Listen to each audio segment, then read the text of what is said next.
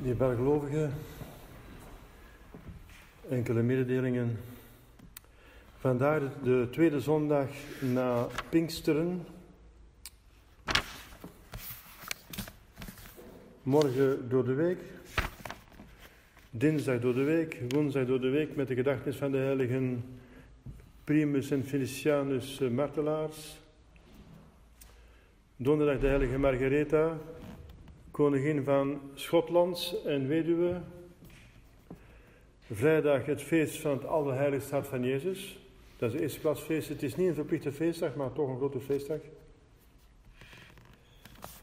Zaterdag de heilige Johannes van Sint-Facon, beleider. Gedachtenis van de heiligen Basilidus en zijn gezellen matelaars. Volgende zondag, de derde zondag na Pinksteren.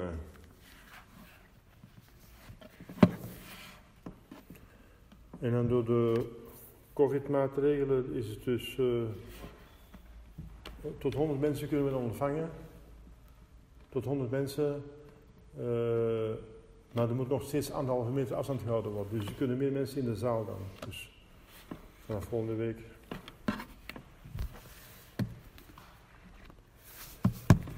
In de naam van de Vader, de Zon en de Heilige Geest, amen. Dierbare gelovigen, Vandaag heeft de Heilige Kerk een evangelie gekozen over het, uh, het feestmaal. In het feestmaal, dat is dus een eetmaal. En, dat doet, en natuurlijk gaat het over God. Degene, de Heer die uitnodigt, is God. En er is één servus, één dienaar die hij uitzendt in het. Waarom? Omdat natuurlijk de enige dienaar die hij uitgezonden heeft, is onze Heer Jezus Christus. En in zijn persoon natuurlijk ook al degenen die eh, in zijn naam prediken, de apostelen, de kerk. Maar vooral onze Heer Jezus Christus, dat is de, degene die uitnodigt tot het banket, tot het, uh, het feestmaal, de eetmaal. Omdat het over een eetmaal gaat, gaan we onmiddellijk denken aan natuurlijk, als het over het eetmaal gaat in de kerk, in het banket van, van God, in het feestmaal van God, dat is natuurlijk de hemel. Maar de hemel op aarde is een kerk, dan denken we aan de Eucharistie. Dat is echt een, een eetmaal. Een Eucharistisch wel, maar het is toch wel een, een, een, eet, een heilige tafel noemt men dat. Tot de heilige tafel naderen, communiebank. En dat is niet toevallig, want we zijn dus nog geen, uh, we zijn maar een paar dagen van het feest van het Allerheilige Sacrament, Sacramentsdag. En de kerk heeft dus nog de gelegenheid gegeven om een tweede keer over uh, het allerlei sacrament te spreken. Maar er zit nog iets anders. Eerst wat ik eerst iets wil over zeggen, dat, natuurlijk, dat, is, springt in het oog in deze parabel. Dat zijn die verschillende categorieën van mensen die uitgenodigd worden. Maar natuurlijk, u begrijpt dat God alle mensen uitnodigt.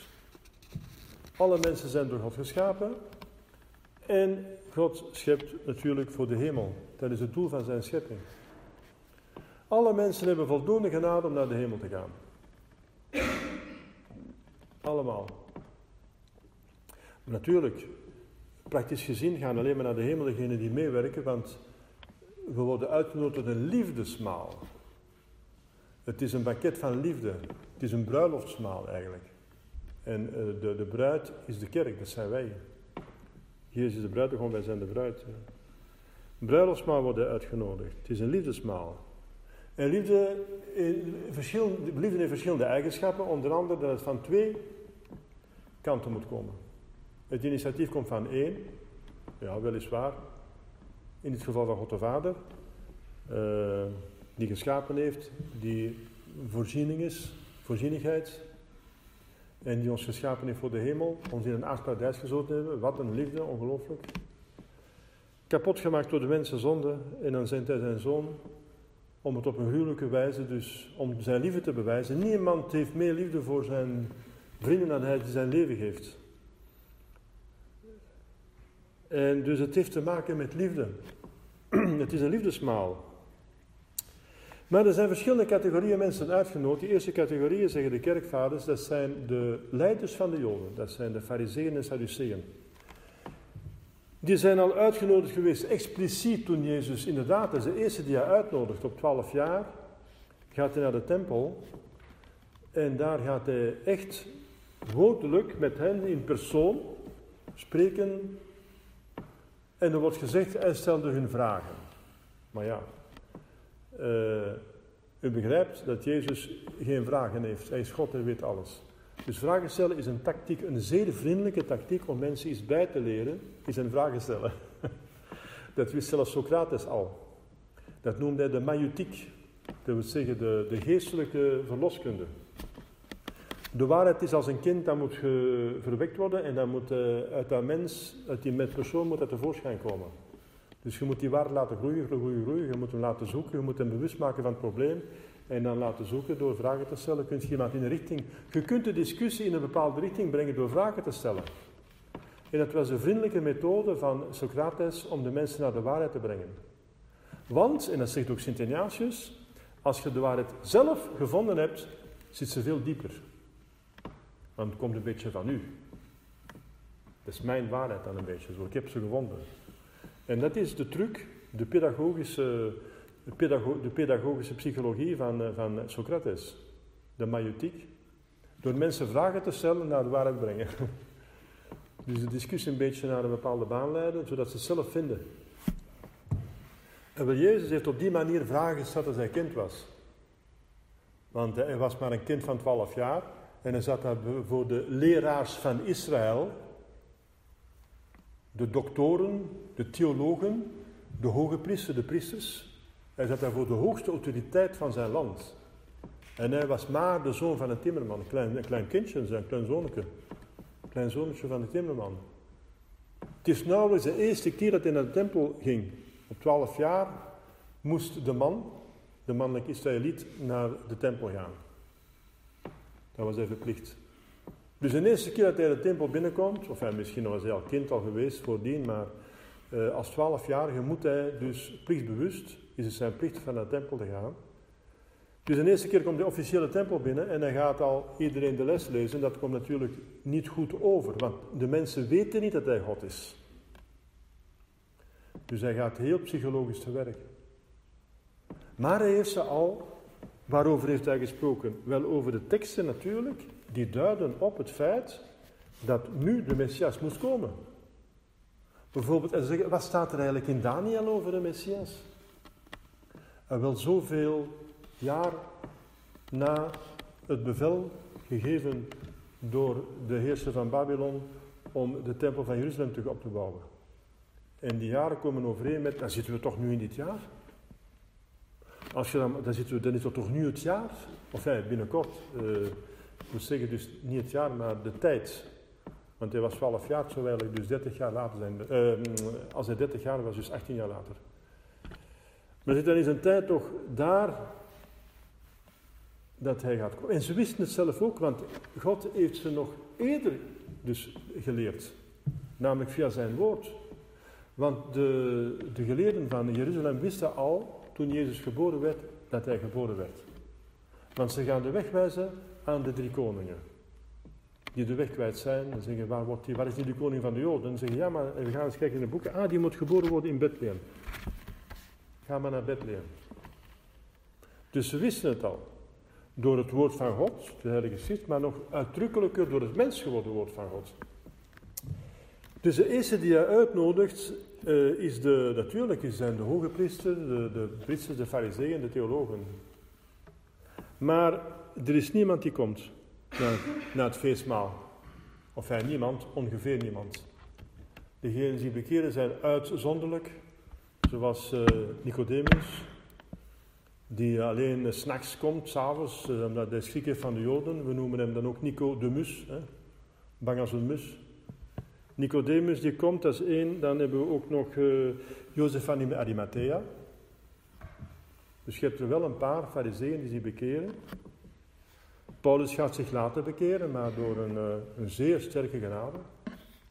Hij was ook fariseer, een zoon van fariseërs. En hij was nog uh, leerling geweest van Gamaliel, de grote theoloog van de fariseërs. Hij zegt het zelf in zijn brieven. Maar ze gaan allemaal een excuus hebben van de drievoudige begeerlijkheid. De ene heeft een vrouw, de andere heeft een huis, de andere heeft een os gekost. Dus heeft, die doet uh, investeringen voor zijn bedrijf. Die moet groeien. Uh... Ze hebben allemaal iets aards dat voorrang heeft op het hemelsbanket. Dan stuurt hij zijn servus, dus zijn dienaar, uit naar een tweede categorie, dat is het volk van Israël, zeggen de kerkvaders. En die zijn edelmoediger. Die gaan hem zelfs uh, volgen, ze gaan hem uitroepen als koning, uh, tot koning met Palmezondag. Ze gaan hem volgen met duizenden tot in de woestijn, om hem te horen prediken.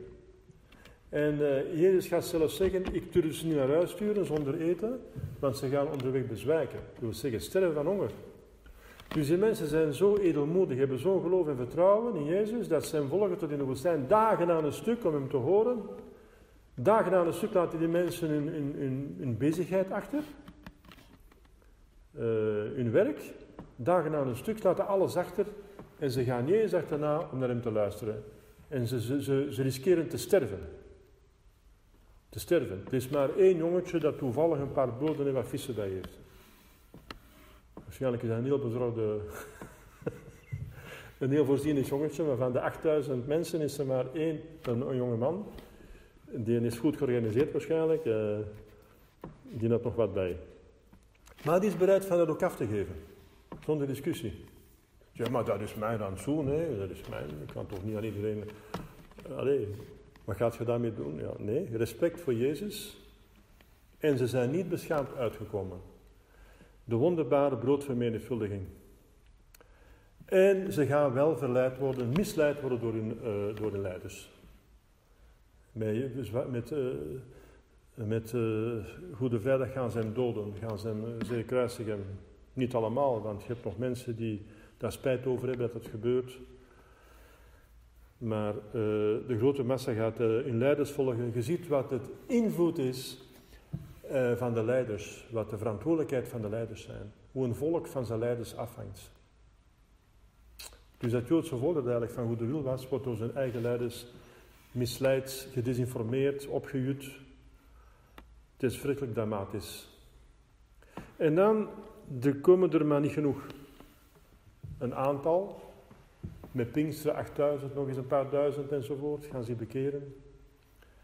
Maar daarna, dat is ook alles. Van de meer dan een miljoen of twee miljoen die er waren toen. Weinig en spijtig genoeg. Misleid door de leiders.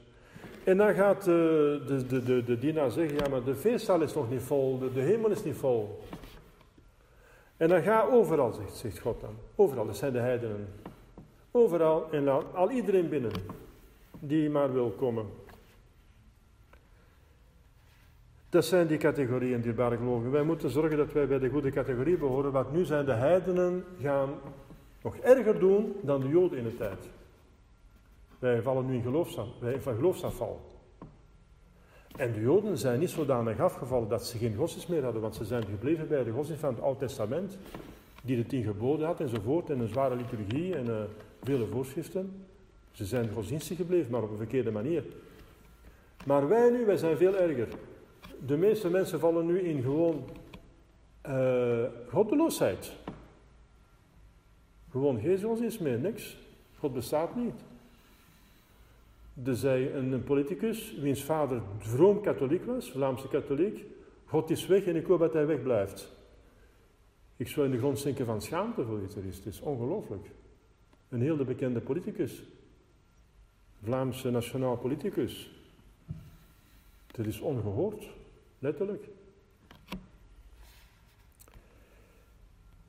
Maar dus wij moeten zien dat wij bij de genodigden blijven, dat wij blijven beantwoorden naar Gods oproep. Maar ik wil inderdaad spreken nu over het tweede uh, um, puntje van deze preek, natuurlijk het allerheiligste sacrament. Het allerheiligste sacrament. Er zijn zeven sacramenten en dit is het allerheiligste sacrament. Waarom? Wel omdat God zelf tegenwoordig komt.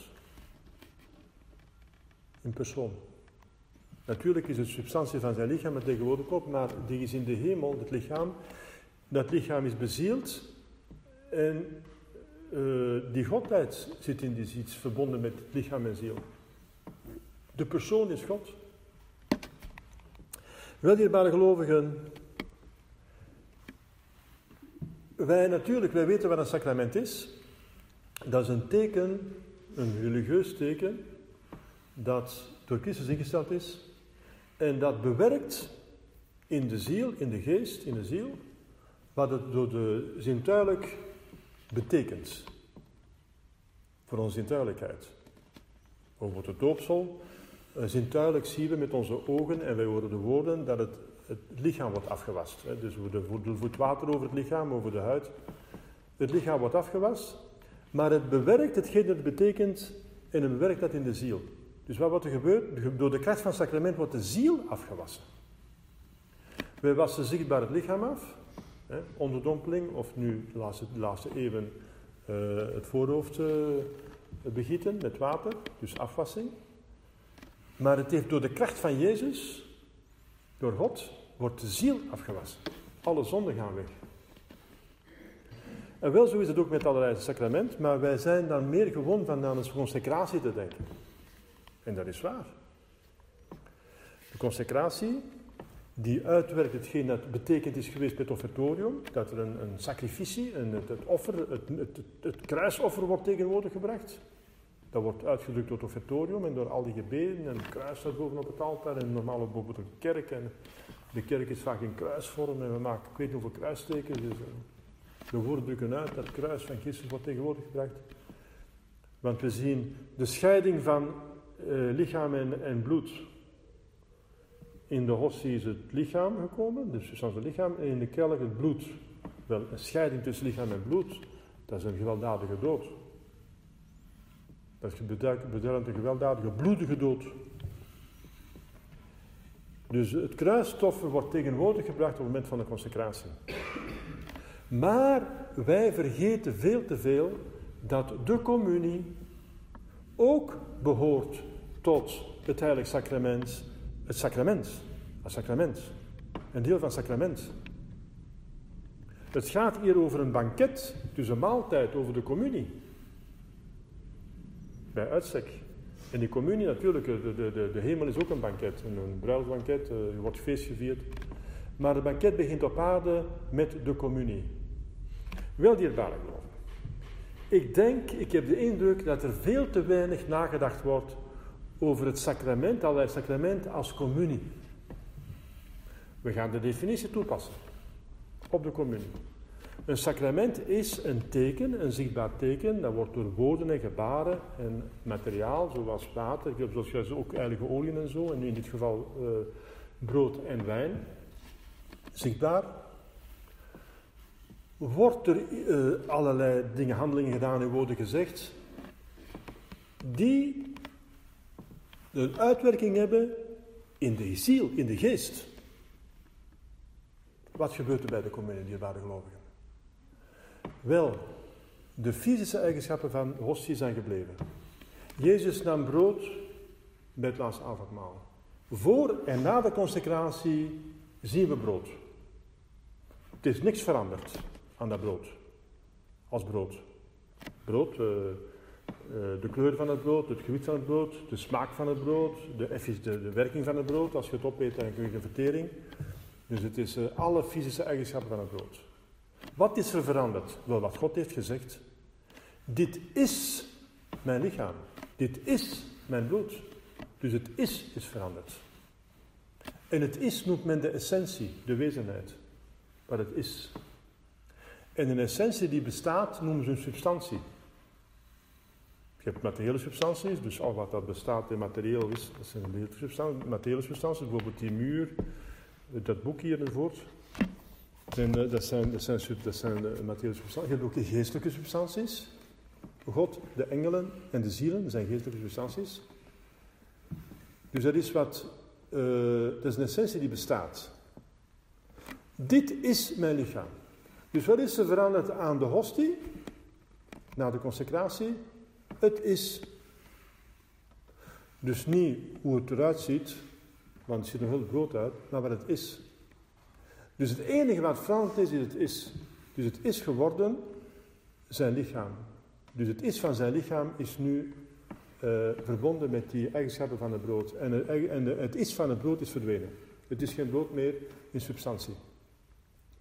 Het is eigenlijk geen brood meer. Het heeft de fysische eigenschappen van het brood, maar wat het is, is de substantie van het lichaam. Door de goddelijke kracht. God kan dat, God is almachtig. Maar wat moeten wij doen met die hostie? Die wordt te eten gegeven. En met die wijn wordt te drinken gegeven, te eten. Wij krijgen dat werkelijk binnen. Wij eten dat op.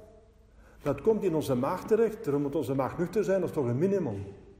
Dat we een onderscheid maken tussen normaal voedsel en, en, God. Dat is een minimum aan respect. Maar Jezus wordt voedsel in onze maag. En wat gebeurt er? Dus, want het is een sacrament, hè? dus het gaat uitwerken in de geest hetgeen dat we zien gebeuren uh, met de zintuigen. Of dat we weten dat er gebeurt. We zien dat het, dat het brood is eigenlijk, is dat voedsel. Hè? Ziet als brood uit en we eten het ook. Wel, uh, zoals het voedsel, dus die, uh, die hostie, dus die fysische eigenschappen gaan dus verteerd worden en dat wordt ons lichaam. Zoals alle voedsel ons lichaam wordt. Dat voedsel van gisteren is ons bloed geworden in ons vlees. Dus er bestaat in de zichtbare wereld geen grotere eenheid dan de eenheid tussen voedsel en lichaam. En God heeft dat teken juist, dat juist die eenheid als teken genomen voor de eenheid die hij zoekt met ons. Want hij bemint. En een andere eigenschap van liefde, eh, want ik heb al gesproken over verschillende eigenschappen van liefde, wel een van, dat dus dat van twee kanten moet komen enzovoort, maar nu gaat het over een andere eigenschap van liefde, dat ze eenheid zoekt. Vrienden zoeken samen te zijn. En God is oneindig, dus hij gaat tot het, tot het einde. Tot, tot het, zover hij kan. En hij kan alles. Dus hij wil gaan, hij wil die eenheid, dus, dus die liefde veroorzaakt eenheid en de eenheid drukt de liefde uit. Die eenheid die moet zo intiem, zo ver mogelijk gaan. Zover dat je kunt niet meer eenheid hebben nadat je één en hetzelfde wordt. Er is geen grotere eenheid mogelijk dan de eenheid tussen voedsel en lichaam. En dat is wat Jezus dat uitwerkt in onze ziel. Want het is een sacrament. En door de, een sacrament is volgens de definitie van de kerk een teken dat uitwerkt in de ziel wat het betekent voor de zintuigen. Jezus wordt gegeven als voedsel. En wat zoekt hij? Die eenheid in onze ziel. Die eenheid is zoals voedsel en lichaam. Dierbare geloof, heb je daarover nagedacht? Dat als je tot communie gaat, dat die eenheid die God zoekt, de eenheid is zoals voedsel en lichaam, een, een totale eenheid, een versmelting. Sint Augustinus zegt, er is wel een onderscheid. Ons lichaam gaat het voedsel in ons veranderen.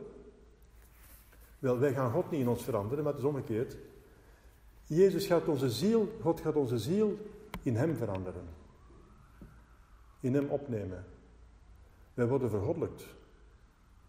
Dat is geen dat de communie doet. Dat is het belangrijkste wat de communie doet. Dat is wat de communie uitdrukt wat dat ze doet. Denk je eraan als je tot communie gaat? Dat die eenheid van die hostie in uw maag, die uw lichaam wordt, tenminste die fysische eigenschappen van het brood die overblijven, dat dat een teken is dat zo krachtig is dat die eenheid veroorzaakt in uw ziel, in de geest dus, tussen uw ziel en God. Dat uw ziel in God wordt opgenomen, dat God is die uw ziel in hem verandert. Zoals het voedsel in het lichaam wordt veranderd. Wordt onze ziel in God veranderd? Worden wij gevoed met God? Denken wij daaraan? Zijn we niet bezig van, uh, zitten wij niet te praten tegen Jezus? Uh, zouden we niet even zwijgen? En kijken naar die eenheid, die liefde die God met ons heeft. Even hem laten doen. Laat hem uw ziel in hem omvormen, want wij kunnen, op, wij kunnen hindernissen plaatsen, wij kunnen obstakel, wij kunnen hem voor de voeten lopen. Het eerste is de doodzonde, die vrienden ons al van naar de communie te gaan. Dus geen sprake van dat we in doodsval naar de communie gaan, want dat is dus een oneindige liefde van God. Hoe kunnen we dan met een haat in het hart naar de communie gaan? Dat is toch on, on, zoiets. Dat is verschrikkelijk. Dus de, nu begrijp je omdat je in staat van genade moet zijn, in staat van vriendschap, om hem te ontvangen. Maar als God zich zo totaal wil geven, zoals aan uw ziel, zoals voedsel voor het lichaam, een eenheid die totaal is, dan moet er ook niks meer in de weg staan. Zelfs geen dagelijkse zonde wordt onverdraaglijk. Dan moeten wij alle obstakels weghalen. Laat God die eenheid bewerken, het is uw geluk. Je wordt opgenomen in de hemel, je wordt deel van de vuldigheid, je wordt opgenomen, al hier op aarde. Het enige verschil met de hemel is dat je het niet geniet, dat je het genot er nog niet van hebt, dat komt in de hemel. Maar de eenheid is er al. De eenheid tussen ons en de hostie is de, is, er kan geen grotere eenheid zijn dan dat. Er kan geen grotere eenheid bestaan tussen twee dingen als tussen voedsel en lichaam. En het is dat wat, eh, wat, de, wat het sacrament doet juist met onze ziel. Want dat is juist de kracht van het sacrament. Te doen wat het betekent. Er is geen grotere eenheid mogelijk. Dus in de hemel zullen we geen grotere eenheid hebben van onze ziel tenminste niet. Ons verstand wel. Ons verstand gaat de goddelijke aanschouwing krijgen enzovoort.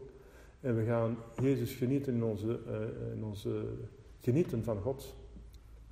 De, de Gods uh, genieting, hè, dus de fruitio Dei, hè, zoals men zegt. Dat wel. Dierbare gelovigen, ik denk dat we daar te weinig aan denken. Wat God bedoelt met de communie. God bedoelt ons één te maken met Hem. En hij wil zichzelf geven, totaal. Hij geeft, hij geeft zijn godheid. En we al gekregen bij doopsel. Want door doopsel worden we kinderen van God. Dat betekent deelachtig aan zijn goddelijke natuur. Het begint met het doopsel. Maar dat is maar een boeleke, dat is maar een kindje. Hè? Dat is maar een, eh, een, een, met doopsel zijn we een kindje. We moeten groeien en groeit door voedsel. God heeft zich aan voedsel aan onze ziel. En wat wil hij ons geven? Ah, wel, hetgeen dat je weet, het belangrijkste is geloof, hoop en liefde natuurlijk. Vermedering van geloof, hoop en liefde. Want daarmee worden onze faculteiten met God verenigd. Ons verstand door geloof, onze hoop door, onze, onze geheugen door hoop en onze wil door, en ons hart door liefde met hem verenigd. En dan, uh, ja, hij zegt, als je mij bemint, doet je mijn wil, dus zijn wil proberen te doen. Dan vragen we voorzichtigheid, rechtvaardigheid, matigheid en sterkte. Die deugden die ons helpen zijn wil te kennen en te doen. Want dat is een bewijs van liefde. En dan al die andere deugden die aan die kardinale deugden vasthangen, zoals nederigheid, kuisheid, zachtmoedigheid, geduld enzovoort. Er zijn tientallen deugden. Dat vragen we bij de communie. Dat zouden we moeten vragen. Dat is wat Jezus wil geven. Het is daar dat we eh, aan hem gelijk worden. Laat u pakken in, door, de, door de Heilige Communie. Laat u pakken, maar maakt u beschikbaar om hun, door God opgenomen te worden. Al de, al de hindernissen weg. Daarom eist de kerk voor de communie een confiteor. Dat je berouw hebt over je dagelijkse zonde, want doodzonde is geen sprake van. Maar als de communie juist voor de, voor de mis, confiteor, maar die confituur dit eigenlijk voor de communie, voor de ganse maar vooral voor de communie. Het bewijs dat ze wordt herhaald een tweede keer voor de gelovigen, niet voor de priester. Waarom niet? Omdat de priester aanwezig is vanaf het begin van de mis, want het is hij die de mis doet. Maar er kunnen gelovigen te laat komen met goede redenen. En die willen ook de communie gaan, die hebben het voor, die moeten dus een confituur zeggen, de meeste een tweede confituur. Voor de gelovigen te laat komen. En voor ons, wij profiteren ervan als we twee keer een confituur hebben, zoveel te beter. Want door het confituur, door een berouw, een onvolmaakt berouw, krijgen we ook vergiffenis van onze dagelijkse zonden. En door een volmaakt berouw des te meer. Dus het minimum is, dierbare gelovigen, dat als God zich zo totaal aan ons geeft, dat wij toch geen hindernissen gaan plaatsen. Dat is toch onvoorstelbaar van zoiets. Dat bestaat niet. Dus wij op dat moment dat we de communie gaan, dan zijn we ontdekt aan alle dagelijkse zonden. Tenminste, we willen geen dagelijkse zonden meer doen, niks, we willen het niet. En dan is de, ja, dan kan God doen in uw ziel wat hij eigenlijk wil, namelijk u, u helemaal in hem opnemen. Dat is mooi. Dat is de totale liefde tussen de ziel en God. Dierbare gelovigen, ik geef u twee gedachten mee met deze van vandaag, met het evangelie. Die drie categorieën van mensen die uitgenodigd zijn aan het, bank, het hemelsbanket. En dus, uh, zijn, uh, hoe moeilijk dat de mensen er naartoe gaan. Hoe moeilijk. Zijn wij nu blind? Zijn wij nu masochisten? God doet het toch niet voor zichzelf? Heeft ons niet nodig. Hij is geluk. Hij doet het voor ons. Waarom spartelen wij dan zo tegen? Voor ons eigen geluk. Dat zegt duivels. Letterlijk. Dat zegt duivels. Uw eigen ongeluk veroorzaken. Dus gelovigen, laat ons openstaan voor de genade. En vooral voor die genade die het en met aan het hart ligt. Want Jezus is van ons heen gegaan met de hemelvaart, omdat, omdat zijn mensheid is eigenlijk maar een instrument. Het doel is God en met God te verenigen, zoals gezegd. En ermee gaat zijn mensheid weg. Dat we niet te veel aan zijn mensheid hangen en zegt tegen Maria Marlena, raak me niet aan, nooit meer tangere. Maar die naar de Vader. Dat we zeggen, oh, niet te veel bezig met mijn mensheid. Natuurlijk zijt je mij dankbaar dat ik u geholpen heb, maar, het is, maar mijn bedoeling is u naar God te brengen. Naar God, dat is de bedoeling, dat is het doel, dat is liefde van God tot ons. Hij is mens geworden, want zijn mensheid is een middel om met ons te communiceren, in onze plaats te sterven, maar om ons naar God te brengen. Daarom gaat hij weg. Maar hij is een beetje getrokken tussen twee dingen. Hij wil van ons weggaan om ons meer met God in contact te brengen. En de Heilige Geest gaat zich niet zichtbaar maken, maar is eh, als God qua onder ons komen wonen en in ons komen wonen. Dat is Pinksteren. Maar dus hij wil eh, plaatsruimen, zijn, zijn mensheid wil dus uh, plaatsruimen voor zijn godheid, voor de godheid. Maar zijn liefde, zoals ik zei, de eigenschap van liefde is vereniging te zoeken. En hij heeft dan iets gezocht, gevonden, want hij is oneindig wijs en machtig, om zijn oneindige goedheid toch te, te, uh, tegemoet te komen. En toch onder ons te zijn en zelfs een intieme eenheid met ons te hebben. En dat is Eucharistie. Waar hij zijn mensheid verbergt. Op aarde uh, ver, uh, verbierig hij zich door verborgen, of verbergde hij zijn godheid. Voor het grootste deel, behalve als hij toonde dus bij zijn verrezen lichaam en zo, op de berg. Maar voor ons verbergt hij zijn mensheid om ons naar God te brengen. Maar hij wil wel bij ons zijn. Dus bij de gelovigen, uh, twee gedachten vandaag. Laat ons openstaan voor de genade. Altijd volledig openstaan voor de genade. Vooral in deze tijden van geloofsafval die zeer gevaarlijk zijn. Wij moeten niet denken dat we beter zijn dan de anderen. Wij kunnen meegesleurd worden in deze wereld. De duivel is machtig. De wereld is machtig met zijn technologie. En we zijn verzwakt. We zijn een verzwakte generaties. Dus wees voorzichtig, sta open voor de genade. De genade is ook overvloedig. Als, als het moeilijkheden overvloedig zijn, is ook de genade overvloediger. Maar laat ons vooral eens een keer, alsjeblieft, al is het vanaf nu, meer aandacht hebben bij wat er eigenlijk gebeurt in de eerste plaats bij de communie. Maak er niet uw ding van. Want bij de communie ga ik daar en daar en dat doen. ik heb een reeks die ik ga aframmelen, dus uh, ik heb mijn programma. Denk ik eens na wat het programma van God is. Wat heeft God mee voor? De eenheid van uw ziel met zijn godheid zoals het voedsel met het lichaam.